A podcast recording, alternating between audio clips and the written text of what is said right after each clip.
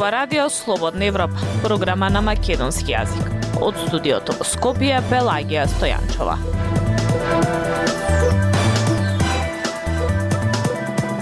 Во денешната емисија на Радио Слободна Европа објавуваме лидерските средби, решение или влез во Ќорсокак. Бурни реакции по разрешувањето на директорот на кардиологија доктор Јовев. Министерот вели немало политика. Руси и Украина меѓусебно се обвинуваат за уништување на големата брана Каховка. Слушајте не.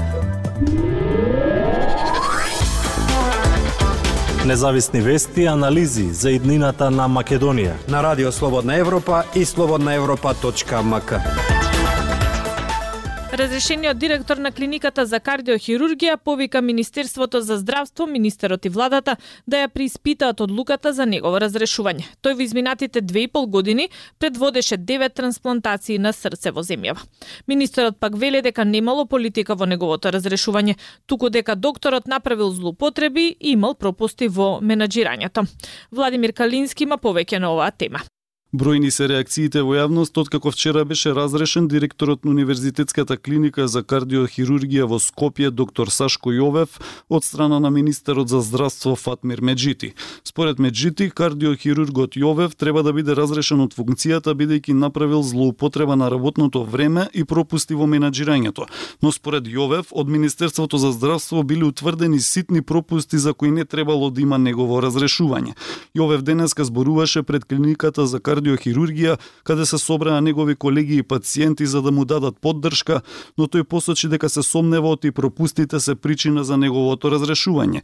Јовев објасни дека Деновиве се соочил со притисоци поради направена ситна грешка во протоколот од минатата сабота за отворањето на новата сала за одржување пациенти додека за нив не бидат обезбедени органи за трансплантација. Се случи тоа да беа уредно поканети сите, едноставно министерот за здравство не дојде сметајќи дека нешто касно е дадено дадена поканата, дека порано е дадена на премиерот. Јас не можев тука да се мешам, тие се, тоа е влада, они решаваат помеѓу себе и на крајот јас се најдов некаде во средината, за да на крајот ете испаднам жртва, не испаднам само ја жртва, испадна жртва кардиохирургија. Рече Јовев, тимот на кардиохирургија заедно со Јовев денеска го повикаа Министерството за здравство, министерот Меджити и владата да ја преиспитаат одлуката за разрешување, бидејќи како што рекоа, тимот кој победува не се менува. Јовев додаде дека неговиот тим работи на клиниката за кардиохирургија 24 часа во неделата, велејќи дека пропустите поради кои Министерството го разрешува се покривање на две дежурства за кои немал дозвола.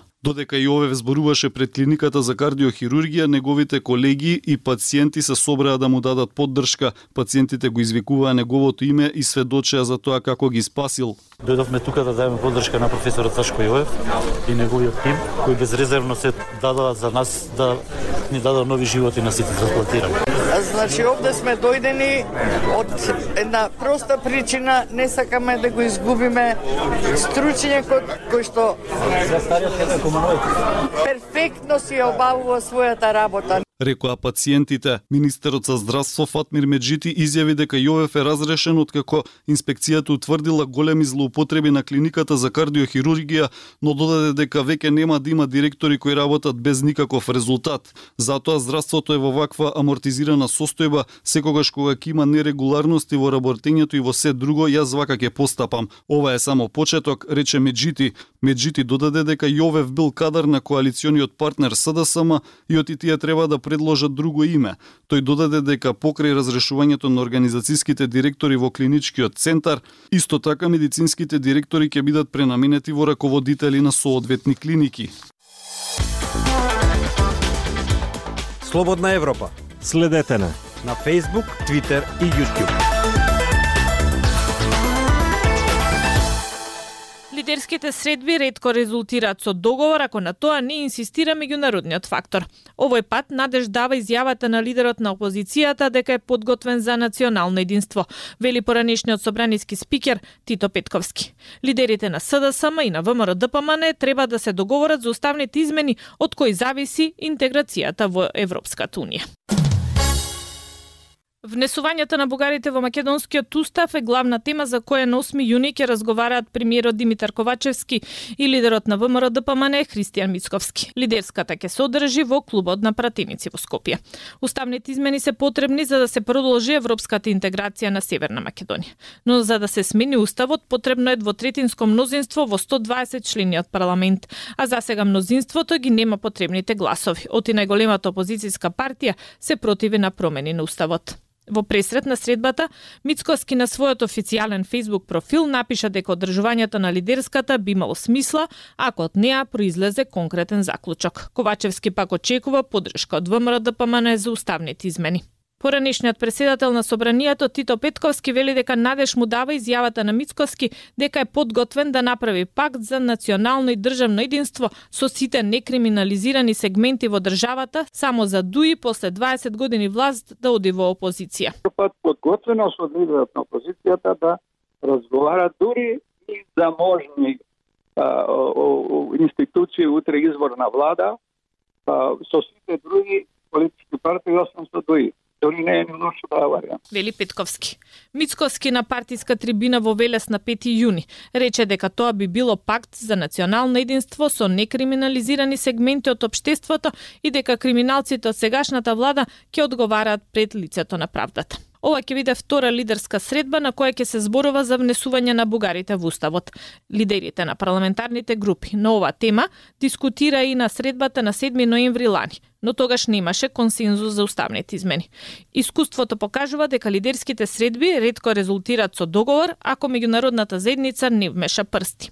Лидерите на политичките партии во изминатите години на лидерски средби се обидуваат да се договорат за датуми за избори, за излез од политичка криза, за деблокада на собранието, за одржување на попис, па за негово одложување, зимето пред да се подпише договорот од Преспа.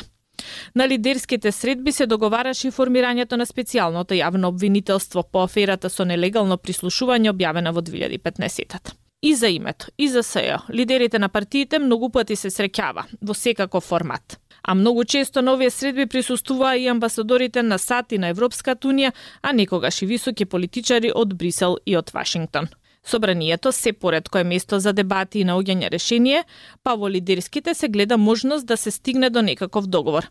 Дека институциите се нефункционални критикува и Европската унија во своите извештаи, вели Петковски. Тој вели дека лидерите договараат закони на лидерски, а после пратениците само потврдуваат. Радио Слободна Европа, светот на Македонија. Незаконско е решението за назначување на дипломираниот детектив Никола Алексов за веде директор на МКЦ, утврди управниот суд. Од градот Скопје побараа да се поништи решението, но Алексов и натаму си доаѓа на работа, велат вработените. Од градот нема одговор дали ќе спроведат судската одлука. Зорана Гаджевска-Спасовска. Правниот суд донесе пресуда со која го поништи решението на градоначалничката на Скопје Даниела Арсовска за именување на привремен директор на Младинскиот културен центар Никола Алексов. Ова одлука ја донесе судот по тужбата што ја покренаа вработените кои тврдеа дека Алексов е незаконски поставен на директорската позиција. Алексов не одговори на нашето барање за коментар. Алексов застана на чело на оваа институција по одвадена работно искуство во оваа институција во која дојде од приватниот сектор, каде што со диплома за детектив се занимавал со со обезбедување. Тој на директорското столче во јануари годинава го замени Ванча Богоев, кој пак обвини дека е сменет затоа што не подклекнал на притисокот од генералниот секретар на град Скопје него подпиша вработувањето на музичарот Арбен Шакири, познат во јавноста како Бени. Судот пресудата за поништување на решението на Алексов ја донесе на 28 април годинава. Но во меѓувреме, извори од МКЦ за Радио Слободна Европа вела дека Алексов и натаму си доаѓа на работа како директор на институцијата. Од градот Скопје до објавувањето на овој прилог. Не одговорија на новинарските прашања. Дали е спроведена во пракса одлуката на управниот суд за поништување на решението за назначување на директор на Алексов и кој е поставен на неговата позиција. Градоначалничката Арзовска во интервју за Радио Слободна Европа во февруари годинава тврдеше дека ги почитувала сите законски процедури при неговото назначување. Законот не прави никаква разлика меѓу тоа дали е лицето вработено на определено или неопределено време. И тоа кое што се прави во јавноста, кое што се пласира во делот на манипулација и лаги, е нешто кое што ќе го разбиеме затоа што ова се прави со една исклучива позадина. И таа ќе ја разбиеме исто така но управниот суд не се согласува со ставот на Арсовска. Според пресудата, градоначалничката не смела да го назначи Алексов за ВД директор, затоа што на таа позиција може да дојде само некој што е вработен во институцијата. А Алексов во МКЦ на позицијата обезбедување дошол од Агенцијата за привремени вработувања. Управниот суд смета дека решението со кое Алексов е назначен е незаконско и дека не бил испочитуван статутот на МКЦ, според кој вршител на должност може да се именува без оглас, само од редовите на вработените. Дополнително судот сметал дека во решението за назначување на вршител на должност, директор град Скопје не ги навел причините поради кои Алексов е назначен. Во меѓувреме, поради неможност да си ги остварат своите права во едноставна правна постапка, вработените во МКЦ поднесоа уште една тужба за оспорување на како што вела за Радио Слободна Европа веќе незаконскиот назначен директор. Абсурдно, но вистините. Се надеваме дека правдата ќе победи повтор пат и конечен пат, велат вработените во МКЦ. Вработените во Младинскиот културен центар предходно се спротиставуваа на поставувањето на нестручен директор во нивната институција. Тие велат дека се разочарани од несериозните игри кои се водат на нивниот грб. Колективот се сомнува во повторен обид за поставување на друг непрофесионален кадар кој што беше актуелен за позиција директор на МКЦ во минатото преку политички игри. Тие се жалеа и на притисоци и намерно кратење на буџетот со што се доведува во прашање голем дел од активностите кои треба оваа институција да ги реализира. Актуелности свет на Радио Слободна Европа. Украина ја обвини Русија за кревање во воздух на големата брана Каховка на реката Днепар во област окупирана од Москва. Кремљ пак вели дека Украина е таа што ја саботирала браната. Меѓународната заедница брзо го осуди уништувањето на браната. Властите наредија евакуација на населението. Петар Клинчарски. Украина на 6 јуни ги обвини руските сили за кревање во воздух на големата брана и хидроцентрала Каховка во делот на Јужна Украина што тие го контролираат. Портпаролот на Кремљ, Димитри Песков, во првата реакција на уништувањето на браната Каховка, ја обвини Украина за саботажа. Браната Нова Каховка е висока 30 метри и долга 3,2 километри. Уништувањето на браната Нова Каховка на реката Днепар од страна на руските сили доведе до целосно или делумно поплавување на неколку населби кои се наоѓаат покрај реката, рече гувернерот на јужниот украински регион Херсон на 6 јуни. Евакуацијата на приближно 16.000 луѓе од загрозената област на десниот брег на Днепар е веќе во тек, изјави Александар Прокудин, Градоначалникот на Нова Каховка, инсталиран од Москва, Владимир Леонтиев, рече дека украинските напади на браната ги уништили неизините вентили и водата од акумулацијата Каховка почна неконтролирано да тече низводно.